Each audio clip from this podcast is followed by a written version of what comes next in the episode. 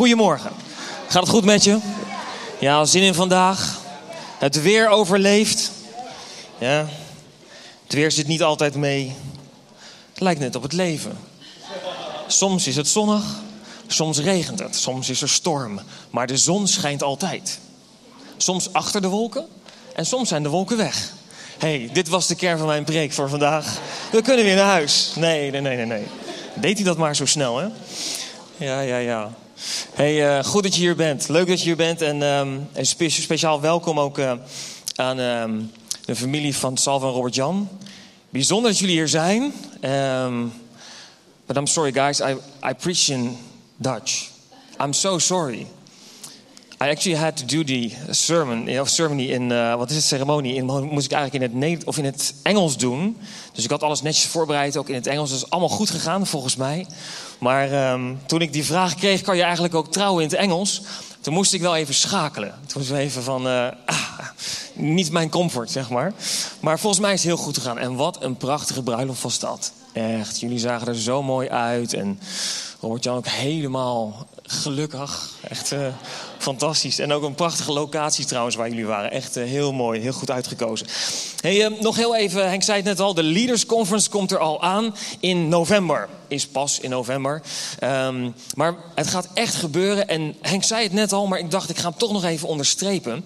de Leaders Conference doen we dit jaar voor het eerst twee dagen. Het was voorgaande jaren steeds één dag. Maar we hebben gezien dat ook met dat de kerk groeit en dat er steeds meer locaties bij komen, dat er ook behoefte is om uh, de leiders toe te rusten op een, ja, een wat bredere manier dan gewoon één dag. Dus we hebben nu gekozen met een hele goede spreker, Jeffrey Rachmat. En Henk heeft daar net al iets meer over verteld om. Uh, om echt een tweedaagse conferentie te doen, vrijdagochtend tot zaterdagmiddag. Maar alle campussen, en dat is dus Rotterdam, Tilburg en ook Groningen tegenwoordig. Wisten jullie dat Groningen een officiële campus is geworden binnen de City Life Church uh, Den Haag, Rotterdam, Tilburg family?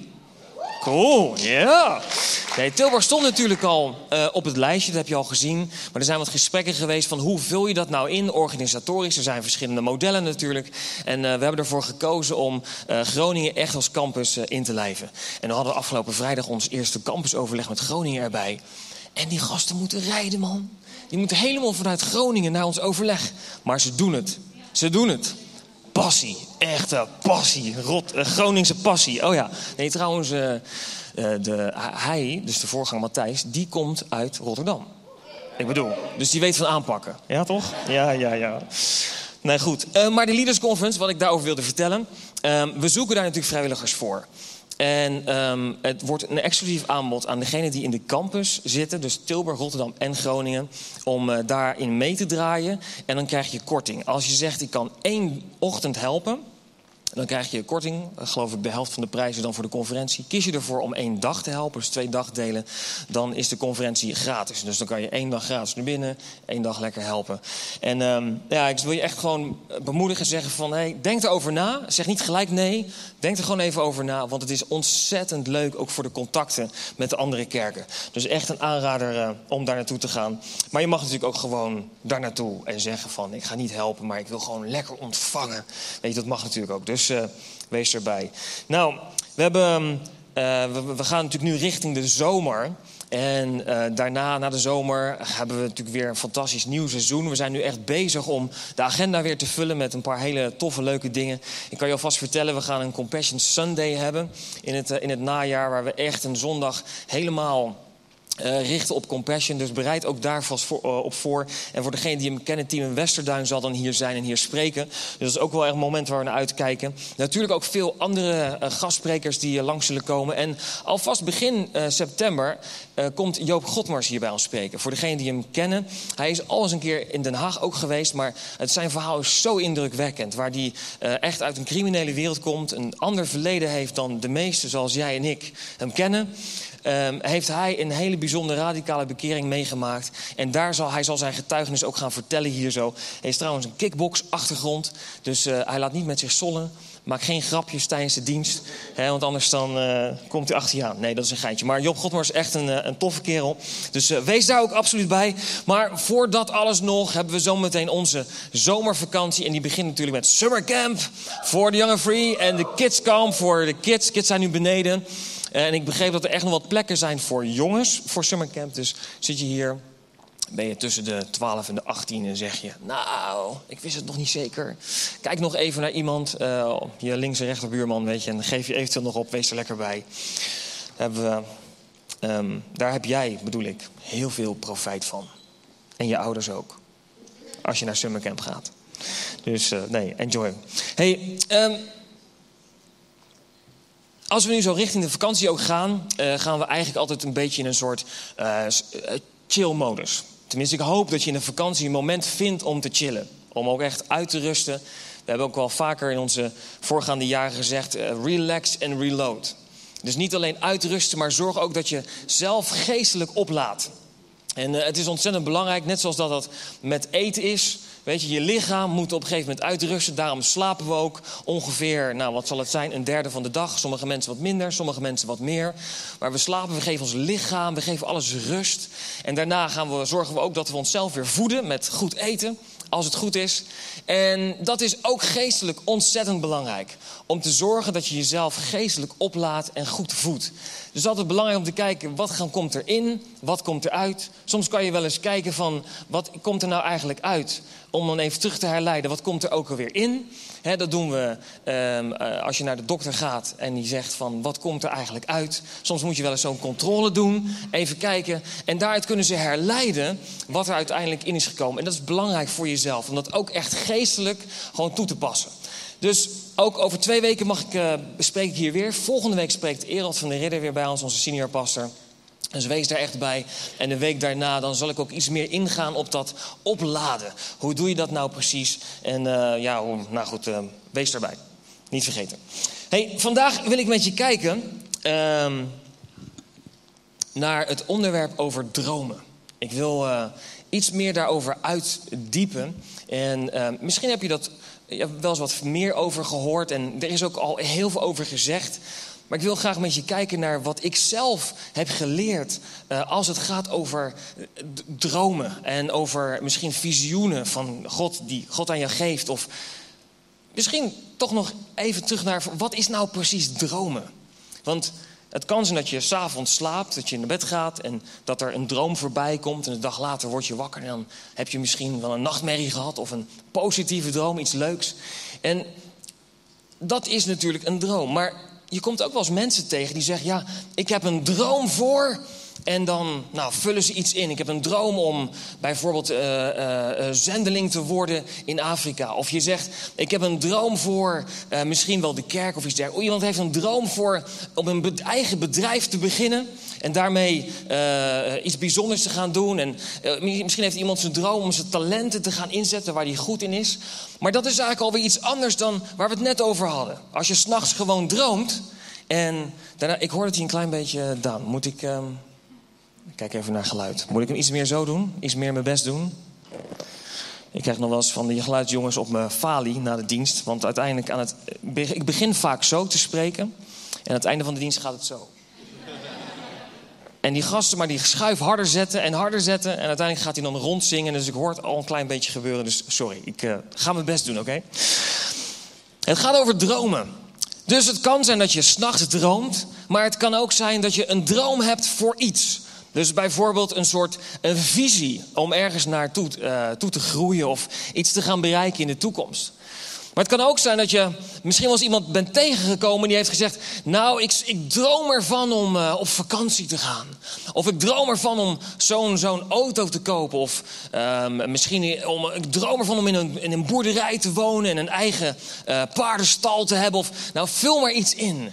En dat is eigenlijk alweer een ander soort droom. Dat komt eigenlijk meer in de buurt van dat je iets wenst. Of dat je iets heel graag zou willen. Dat kom je vaak wel tegen bij kinderen. Dat ze dingen ook wel eens extreem maken. Van, wat wil je voor je verjaardag? Oh, ik heb altijd al willen hebben. En dan komt de een naar de andere Barbie-collectie, weet je, van mijn lieve dochter, bijvoorbeeld. En dan ik, droom ervan, papa, dat het, nou, dat, dat het van mij, nou, dat. Maar goed, dat is een ander soort droom. En zo zijn er ook dromen die van God kunnen zijn. En dat God jou een droom heeft over jouw leven, voor jouw leven, om iets te gaan doen. Om iets van betekenis te, te, te zijn in het leven, gewoon hier op aarde. En zo kan het zijn dat als je slaapt, dat er wel eens een, een droom bij je komt waarbij je je afvraagt wat betekent dit nou precies? En dat je ehm, op zoek gaat naar de betekenis daarvan. En dan kan het zijn dat je ontdekt of dat je aan iemand vraagt van wat denk jij wat deze droom betekent, dat daar misschien wel een heel beeld uitkomt waarvan je zegt van kan het zijn dat God tegen jou spreekt door deze droom heen en uh, daar zo een, een, een tipje van de sluier opent voor jouw toekomst. Of dat God jou iets, iets vertelt, iets van laat zien van wat binnenkort gaat gebeuren. Of um, je misschien een bepaalde koers, een bepaalde kant op wil, wil sturen, visie voor je leven geeft. Ook dat is dus alweer een iets andere vorm van dromen. En weet je wat nou de uitdaging is? Is dat wij als christenen het heel belangrijk is dat wij gaan leren onderscheiden. Wat is nou een droom van God en wat is nou eigenlijk gewoon mijn persoonlijke wens? Wat is nou um, echt van God? Wat God tot mij spreekt? Wat is nou zijn droom voor mij?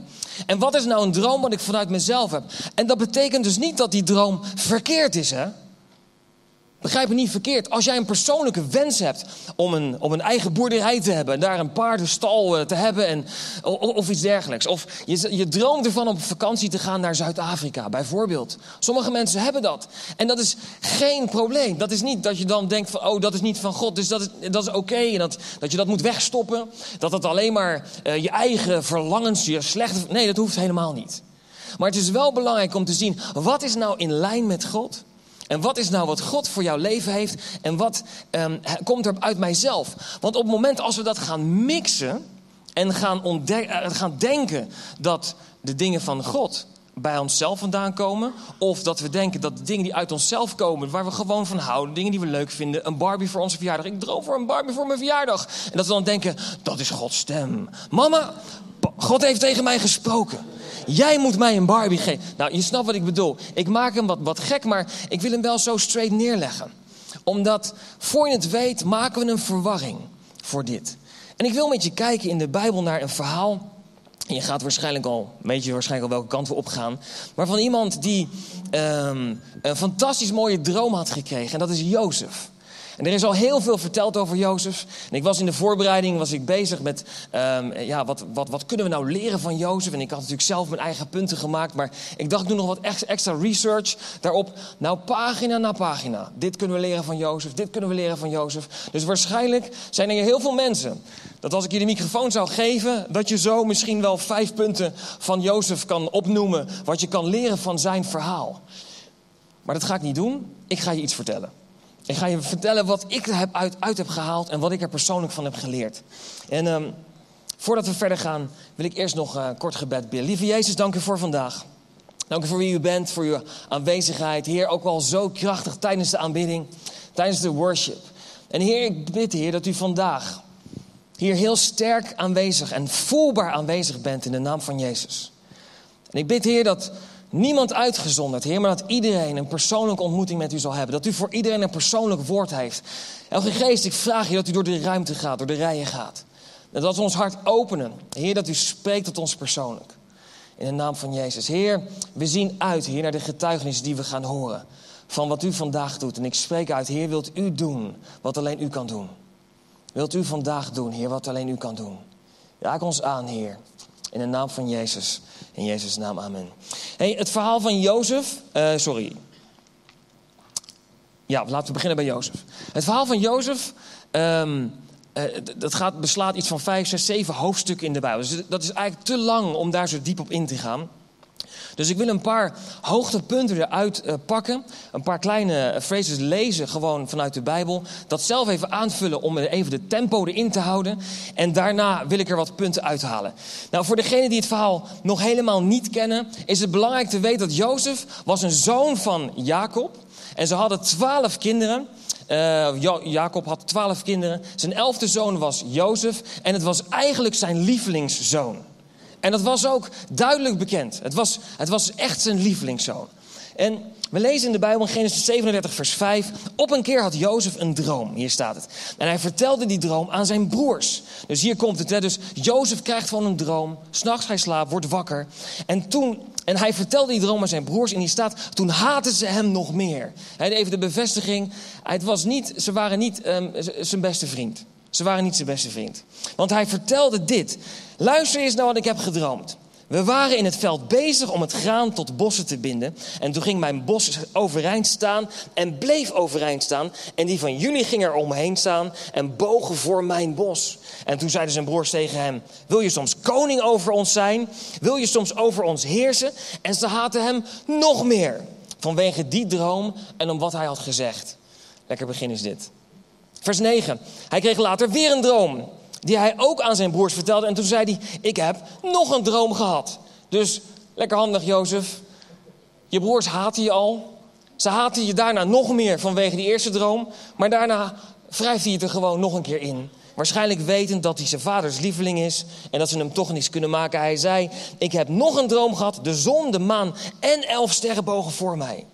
Maar toen hij dit aan zijn vader en zijn broers vertelde, zei zijn vader streng tegen hem: Wat is dat nou voor droom? Denk je soms dat ik, je moeder en je broers voor je zullen buigen? Zijn broers waren jaloers op hem, maar zijn vader dacht er later verder nog over na. Nou, het verhaal gaat als volgt: zijn broers waren er klaar mee. Ze zeiden van: Dit kan zo niet langer. Die kerel is koekoek. Die moeten we gewoon, die moeten we kwijt. Ze bedachten een plan, gooiden hem in een put. Later zeiden ze van, nou ja, vermoorden is niet een goed idee, laten we hem verkopen als slaaf. En zo is Jozef in Egypte terechtgekomen. Daar woonde hij in het huis van Potifar. En Potifar is de, naam van ja, goed, de man die daar zo woonde. Hij was een soort opperbaas in het leger van de beveiliging van de farao. En um, Jozef die woonde in dat huis en hij werd daar zo... Nou, hij was, in die tijd was hij slaaf, maar hij werd wel degene die het huis bestuurde. Eigenlijk alles regelde voor Potifar. En het mooie is als we lezen in Genesis 39, vers 2 tot 3, dat hier staat: De Heer was met Jozef. En daardoor ging het in alles goed met hem. Hij woonde in het huis van zijn heer, de Egyptenaar. En Potifar zag dat de Heer met Jozef was. Hij zag dat de Heer ervoor zorgde dat Jozef goed was in alles wat hij deed. Jozef was goed in alles wat hij deed. Nou, het verhaal gaat verder. Je kent het misschien wel, dat um, niet alleen Jozef die vond, uh, of nee, Potifar was onder de indruk van uh, Jozef, maar ook de vrouw van Potifar was onder de indruk van Jozef. Die dacht van, dat is een knappe kerel, die wil ik wel hebben. Nou, we weten allemaal, dat is niet goed hè, lieve mensen. Dat is niet oké. En dat wist Jozef, dus hij zei ook, dat gaat niet gebeuren. Ik ben hier, ik dien Potifar, ik werk voor hem. Jij bent zijn vrouw. Uh, jij bent niet, weet je, wij zijn niet samen, dus ik ga niet met je mee. Ik wil ook niet met je naar bed. Ik wil niet eens bij je zijn. Dus hij ontweek haar. Op een gegeven moment dacht die vrouw, dit, uh, ze trok het niet, was jaloers of wat dan ook. Ze probeerde toch een poging te doen, hield zijn jas bij zich, vertelde een leugen aan Potifar door te zeggen: Jozef wilde me aanranden. En dat was natuurlijk helemaal niet waar. Potifar werd boos, pakte Jozef, gooide hem in de gevangenis. Jozef zat in de gevangenis daar. En je kent het verhaal misschien, dan is het niet nieuw voor je. Maar als het nieuw voor je is, dan komen daar zo twee personen: een bakker en een schenker. Schenker is een wijnschenker, iemand die uh, wijn schenkt. Die werkten aan het hof van de koning. En die zaten daar in de gevangenis en die hadden een droom. En Jozef kon hun de droom vertellen. En jaren later, toen de wijnschenker weer bij de koning aan het hof werkte... toen had de koning een droom. En de schenker die stond naast hem en de koning was op zoek naar um, uh, van, ja, antwoorden hierover. En de schenker dacht ineens, hé, hey, die man uit, het, uit de gevangenis... die kon mij vertellen hoe dat ook alweer zat, hoe mijn droom was.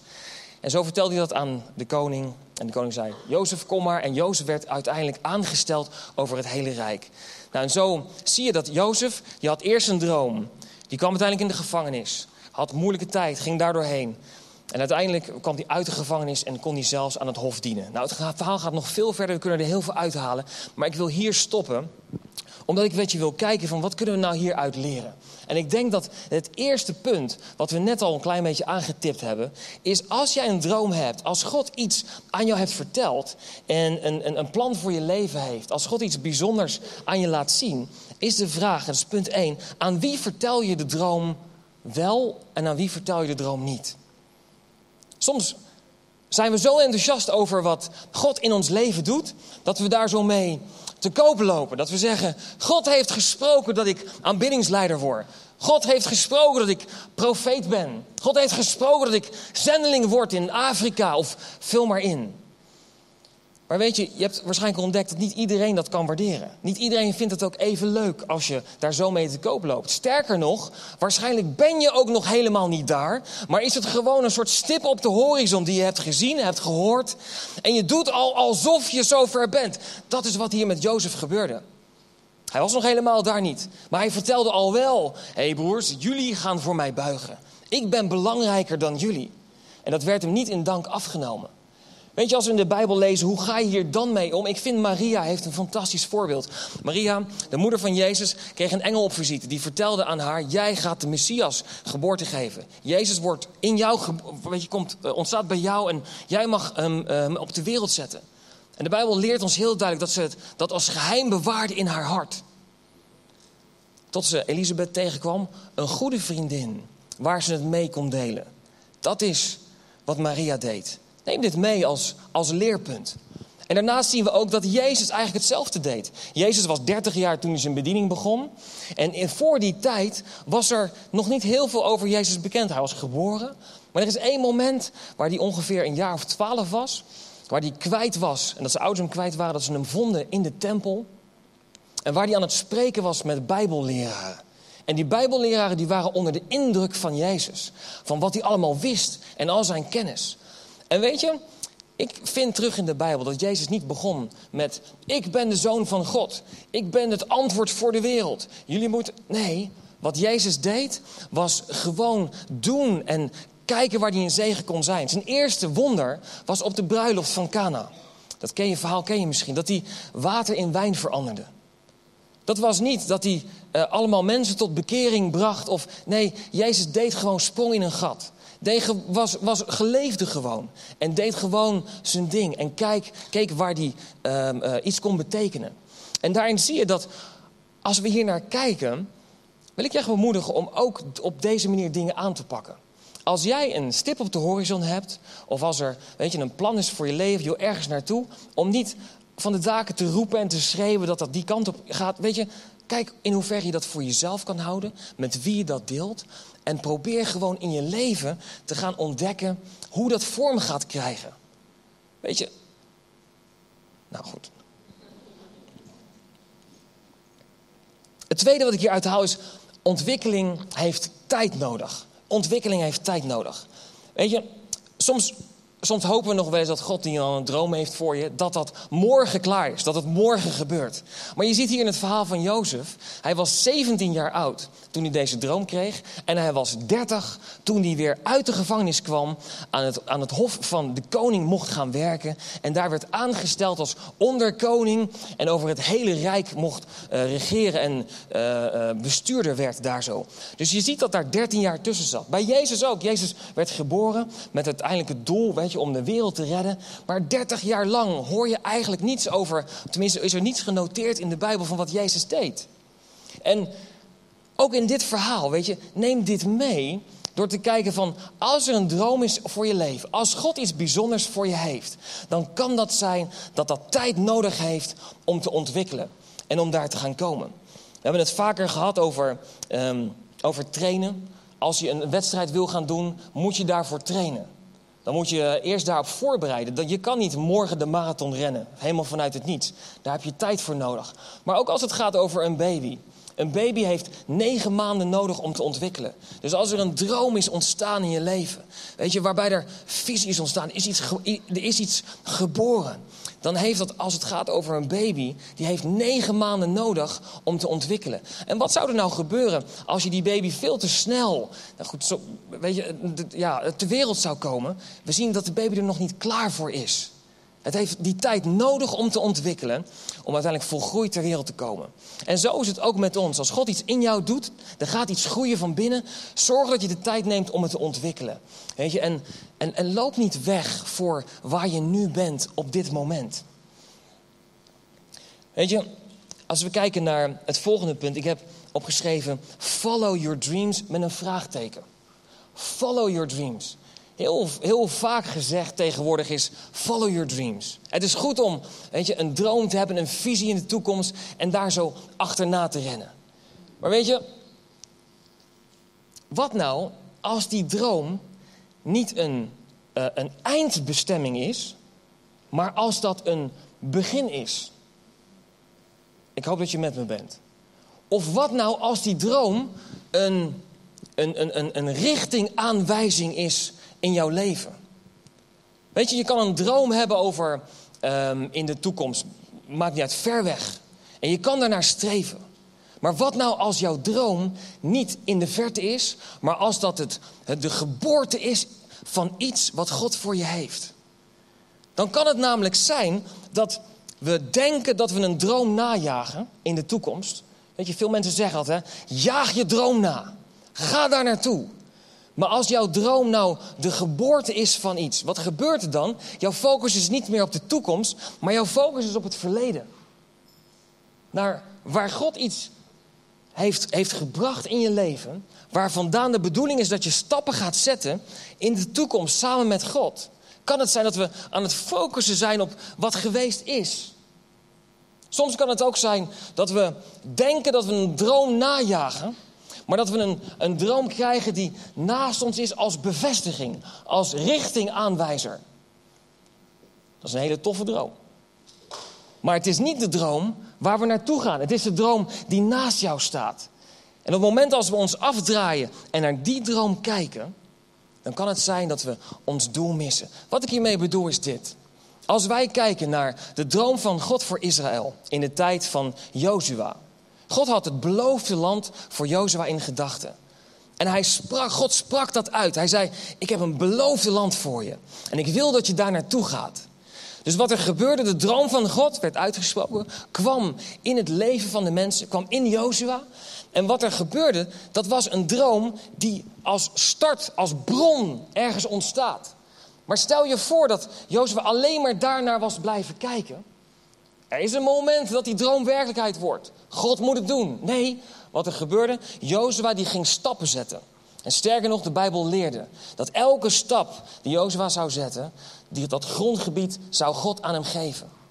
En wat nou interessant hierin is, zij hoefde niet de strijd te leveren, maar dat deed God. God heeft de strijd al geleverd, ook voor jouw droom. Als God een droom voor je heeft, een bestemming. Als God een, een, een beloofde land heeft met, ja, maakt niet uit, vul het in. Ik weet zeker dat we allemaal misschien nu wel dingen in ons hoofd kunnen nemen... waarvan je zegt van, dit heeft God tegen mij gesproken. Of ik ben een sterk verlangen om, maakt niet uit, vul het in, om, om iets te gaan ontwikkelen of, of wat dan ook dan kan dat zijn dat het een geboorte is geweest in plaats van dat het het eindbestemming is. En ik wil je bemoedigen om te zorgen dat je niet op je bron blijft gefocust, maar dat je je stappen gaat nemen, grond gaat innemen, gaat ontwikkelen.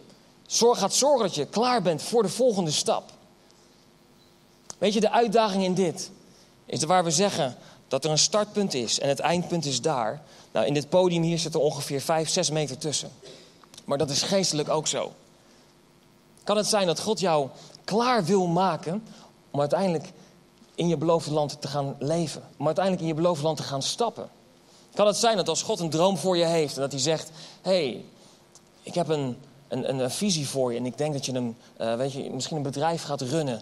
Misschien dat je, uh, maakt niet uit, je gaat uh, innovatie, technologie, van alles. En dat je dan hier staat en je bent nog jong en je denkt, wauw, daar wil ik inderdaad zijn. Kan het zijn dat God je misschien deze droom heeft gegeven als bevestiging dat je iets met je opleiding moet gaan doen? Dat je gewoon naar school moet gaan. Dat je gewoon in het leven moet zijn. Deze stappen moet nemen. Gaan ontwikkelen. En uiteindelijk gaan ontdekken met steeds meer kennis, steeds meer zekerheid, steeds meer wat je nodig hebt om uiteindelijk in je bestemming te kunnen gaan wandelen. Kan het zijn dat we nog wel eens deze dromen verwarren met elkaar? En dat we als christen zijn, en ik moet heel eerlijk zeggen dat we best wel vaak zien dat mensen die hun leven aan Jezus geven zeggen: Ik wil iets doen voor God. Dat ze daarna volledig gedesillusioniseerd zijn. Gewoon over van wat moet ik dan doen? Wat vraagt God dan van mij? En dat we aan het kijken zijn. Ik wil daar naartoe. Ik wil, God heeft gesproken. Ik wil iets gaan doen voor Hem. En dat, maar dat we nog hier zijn. En dat we dit pad lijken over te slaan. En dat we daardoor eigenlijk maar niets met ons leven doen. Aan het kijken rond onze droom, rond onze startdroom aan het draaien zijn. En aan het wachten totdat God eindelijk... God moet het doen, God moet het doen. Weet je, en ik wil, niet, ik wil het niet um, bagatelliseren, weet je. Het is, het is heel belangrijk om God hier super sterk in te betrekken. Maar kan het zijn dat God tegen jou zegt... Ja, wacht even, om hier te komen moet je daar beginnen... En ik zeg nu alvast iets tegen je, zodat je ermee aan de slag kan. En dat op het moment als de doorbraak daar is, dat je er klaar voor bent. Weet je, bereid je voor om in je next step, in je next level te komen van de droom die God voor je heeft. Weet je, volgende punt is: het gaat niet altijd zoals verwacht. En dat is bij Jozef ook. Jozef had waarschijnlijk verwacht dat alles goed zou gaan. En dat zijn broers voor hem zouden gaan buigen. Dat hij de baas zou zijn over hun. Weet je, en toen ging het niet helemaal zoals hij had gedacht. Hij werd verkocht. En er gebeurde nogal wat dingen. Ik heb het heel even hier genoteerd. Hij werd eerst verkocht en natuurlijk verraden door zijn broers. Daarna kwam er verleiding in zijn leven, hè, de vrouw van Potifar. Waar hij uiteindelijk daarna verkeerd werd begrepen. En waar hij onterecht werd beschuldigd. En uiteindelijk vergeten in de gevangenis. Had die schenker gevraagd: Denk aan mij als je weer vrij bent. Maar nee, hij vergat hem. En ook dat alles moest Jozef meemaken. Maar weet je, wat ik hier uithaal, is dat we kennen het verhaal dat het, het was niet afgelopen op het moment dat Jozef in de gevangenis zat. Gods plan gaat verder ondanks dingen die we meemaken. Soms projecteren we nog wel eens de dingen waar we doorheen gaan, dat we zeggen, ja dat komt van God. Nee, ik denk dat we beter kunnen zeggen, ondanks wat we meemaken, ondanks dat gaat God door. En gebruikt Hij alles wat er in ons leven is om ons te vormen en om ons klaar te maken voor wat God voor ons heeft. Of nou deze route echt in Gods gedachte was, of dit nou Gods ideale plan was waar Jozef doorheen ging, dat durf ik niet te zeggen, staat ook niet zo in de Bijbel. Maar er staat wel dat God hier doorheen hem klaarmaakte voor uiteindelijk de plek waar hij zou gaan komen. Als onderkoning en uiteindelijk dus voor, nou goed, komen we zo meteen op. En weet je, als het hierover gaat, dan denk ik dat het belangrijk is dat je je huidige situatie, en het klinkt misschien gek, maar dat je je huidige situatie moet accepteren. Waar ben jij op dit moment? En weet je, ik heb zelf, kan ik ook over spreken in mijn leven, dat, er nog wel eens, dat je op een punt bent dat je denkt, ik wil hier helemaal niet zijn. Dit is niet hoe ik dat had bedacht. Ik heb ook niet het gevoel dat dit van God is, bijvoorbeeld, maar toch is het de realiteit. En wat dan kan gebeuren is dat we zoveel energie en kracht verliezen in de weerstand tegen waar we nu zitten. Stel je voor dat je, weet je, laat ik eerlijk zijn gewoon over het verhaaltje met Joy. Jullie kennen het verhaal, weet je, onze dochter heeft, heeft diabetes en goed, ze heeft ook celiakie en lactoseintolerantie. Telt maar even bij elkaar op. En weet je, dat is niet de werkelijkheid waar je zou willen zijn. Maar het is wel de realiteit. En weet je, in plaats van dat we ons gaan verzetten tegen wat er gebeurt, hè, verzetten tegen de ziekte, verzetten daartegen, is het belangrijk om deze situatie te omarmen en te zeggen: het is nu zoals het is. En hier vandaan gaan wij met God wandelen, gaan we kijken hoe we hier het beste van kunnen maken. En ik geloof dat dit voor ons allemaal zo kan gelden. Op het moment als jij je in een situatie bevindt, misschien voel je je wel burn-out. Misschien heb je alles gegeven in een relatie. Weet je, maar het is niet helemaal gegaan zoals je zou willen. Weet je, ik geloof, weet je, probeer niet 100% te verzetten. Zo van, ah, ik wil dit niet. Nee, weet je, probeer te, nuchter te gaan kijken. Te zeggen, oké, het is nu zoals het is. Heer, wilt u in deze situatie komen? Wilt u mij laten zien wat uw wil is? En wilt u deze situatie gebruiken ten goede van wat er gaat komen? Ander, ander gebed kan zijn: Heer, wat wilt u? Ik zit in een moeilijke situatie. Ik vind het niet leuk. Ik baal ervan, Heer. Maar ik weet zeker dat u mij troost. En ik ben dankbaar dat u naast me bent. Wat wilt u op dit moment aan mij leren? Wat mag ik leren uit deze situatie? En ik kan me voorstellen dat je soms in een situatie zit dat het heel moeilijk is om dit gebed te doen. Maar ik geloof dat God alles wil gebruiken. Weet je, om je te helpen. Om je sterker te maken. Om je door situaties heen te krijgen. Weet je, we ontdekken van Jozef, en deze is echt super belangrijk. Jozef dacht dat de droom voor hemzelf was. En dat hij dacht, ik word later onderkoning. En misschien ben je hier en zeg je, ja, God heeft gesproken over iets. Of ik heb een droom voor mijn leven. En dat je dan denkt van, ja, weet je, ik ga dat doen. Weet je, ik, ik, uh, ik word, nou, en vul maar in. Maar we ontdekken hier zo dat Jozef later ontdekte dat hij onderdeel was van een veel groter plan. Als het gaat over God in jouw leven, als het gaat over Gods droom voor jou, door jou heen, dan is het belangrijk om te onderkennen dat het altijd zal gaan, als, als het Gods droom is in jou, hè, dat het gaat over aanvulling en deel van Gods grotere droom voor deze wereld. En we zien dat terug in, in Genesis 42, vers 9.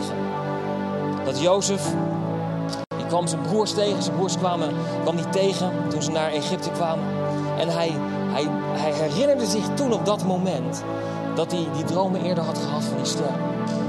Dan lezen we verder in Genesis 45, vers 7 tot 8. En dan is het belangrijk om te weten dat er was hongersnood uitgebroken. En Jozef was aangesteld in Egypte om te zorgen dat er voldoende voedsel was. En sterker nog, ze hadden zoveel voedsel in Egypte dat er genoeg was voor alle landen om hen heen. En dat was het moment dat de broers uit hun, hun, voorgaande land kwamen naar Egypte, niet wetend dat Jozef daar was. En ze kwamen daar om voedsel te kopen. En toen ontdekte Jozef dat de droom die hij toen al had, uiteindelijk betekende dat hij zijn broers kon redden. En dat hij kon zorgen dat ze eten hadden. En dat vinden we terug in Genesis 45, vers 7 tot 8. Waar Jozef zich bekend maakt, zegt: Hey, bros, jullie hadden mij in de put gegooid, maar ik ben hier nog steeds. Still alive. En hij zei: Daarom heeft God mij voor jullie uitgestuurd. En ervoor te zorgen dat jullie in leven zouden blijven. Hij ontdekt hier: dit is wat er aan de hand is. Gods droom voor mij, de droom die ik heb ontvangen, is deel van een groter plan. Hij wilde jullie op een hele bijzondere manier redden. En hij zei hier achteraan: Niet jullie hebben mij hierheen gestuurd, maar God heeft mij hierheen gestuurd. Niet jullie hebben mij hierheen gestuurd, maar God heeft mij hierheen gestuurd. Ben je er al klaar voor? Om te ontdekken dat door de situaties waar je heen gaat, dat die allemaal door God gebruikt kunnen worden. Om uiteindelijk te komen in de bestemming die God voor je heeft.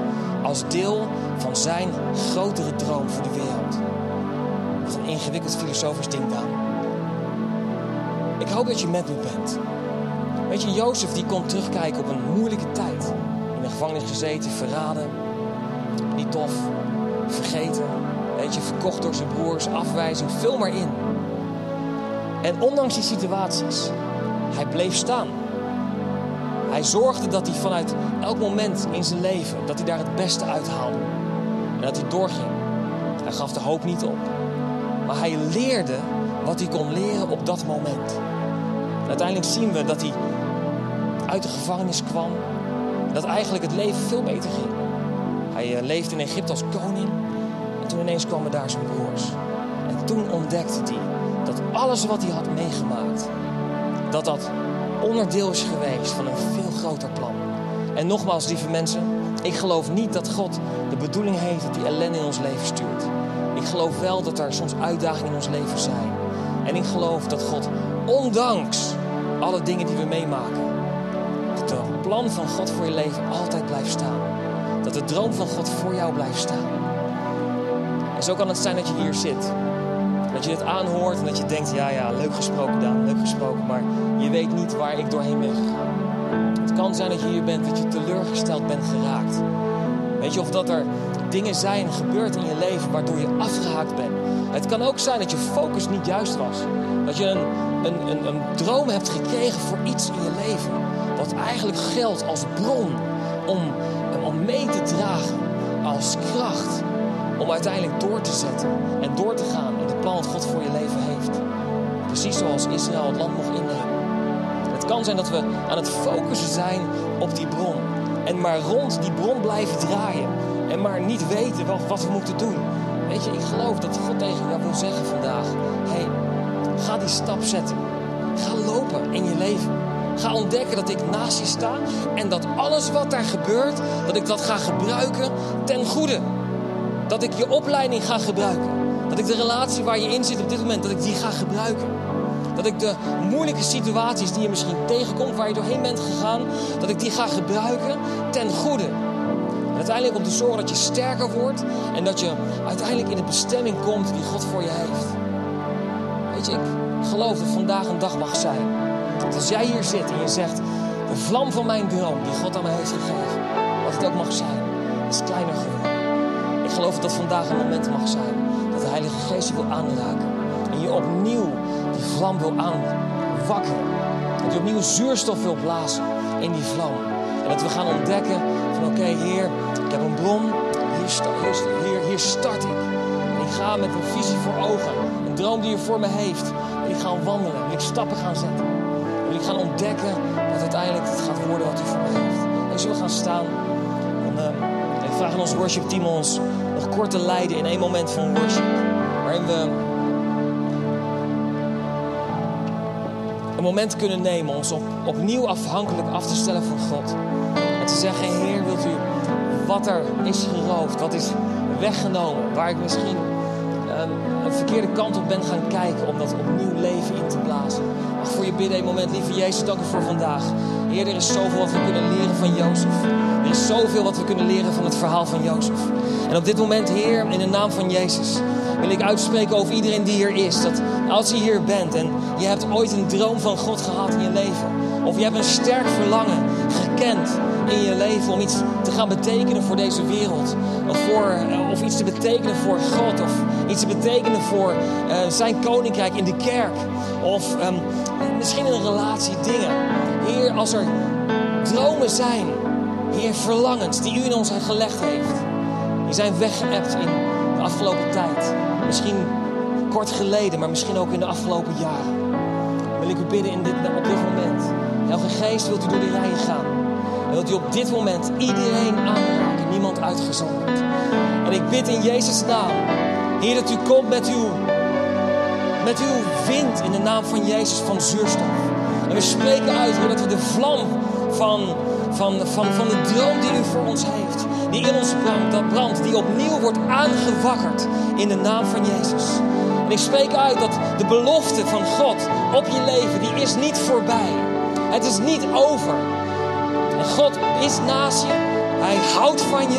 Hij, hij, hij wil naast je staan. En hij wil voor je zorgen. Hij wil je vasthouden. En hij wil samen met jou kijken om die nieuwe stap te gaan zetten. En ik spreek uit, Heer, dat elke verwarring die er misschien is over dromen. Of dat in de toekomst is als visie. Of dat is een eigen verlangen. Of dat is een, een, een bron, Heer. Of een droom die ons kan begeleiden of op de goede richting zitten. Ik bid in de naam van Jezus om helderheid en duidelijkheid door uw geest in de naam van Jezus. Ik bid, Heer, dat we scherp mogen hebben wat uw droom is voor ons leven. En Heer, of dat een bron is of dat dat de toekomst is. Of dat iets is waar we naar mogen uitstrekken, waar we naar mogen verlangen. Heer, of dat dit iets is waar we op dit moment mee aan de slag moeten in de naam van Jezus. Heer, ik bid, Heer, dat dit ons moment met u mag zijn. Waarin u iedereen persoonlijk aanraakt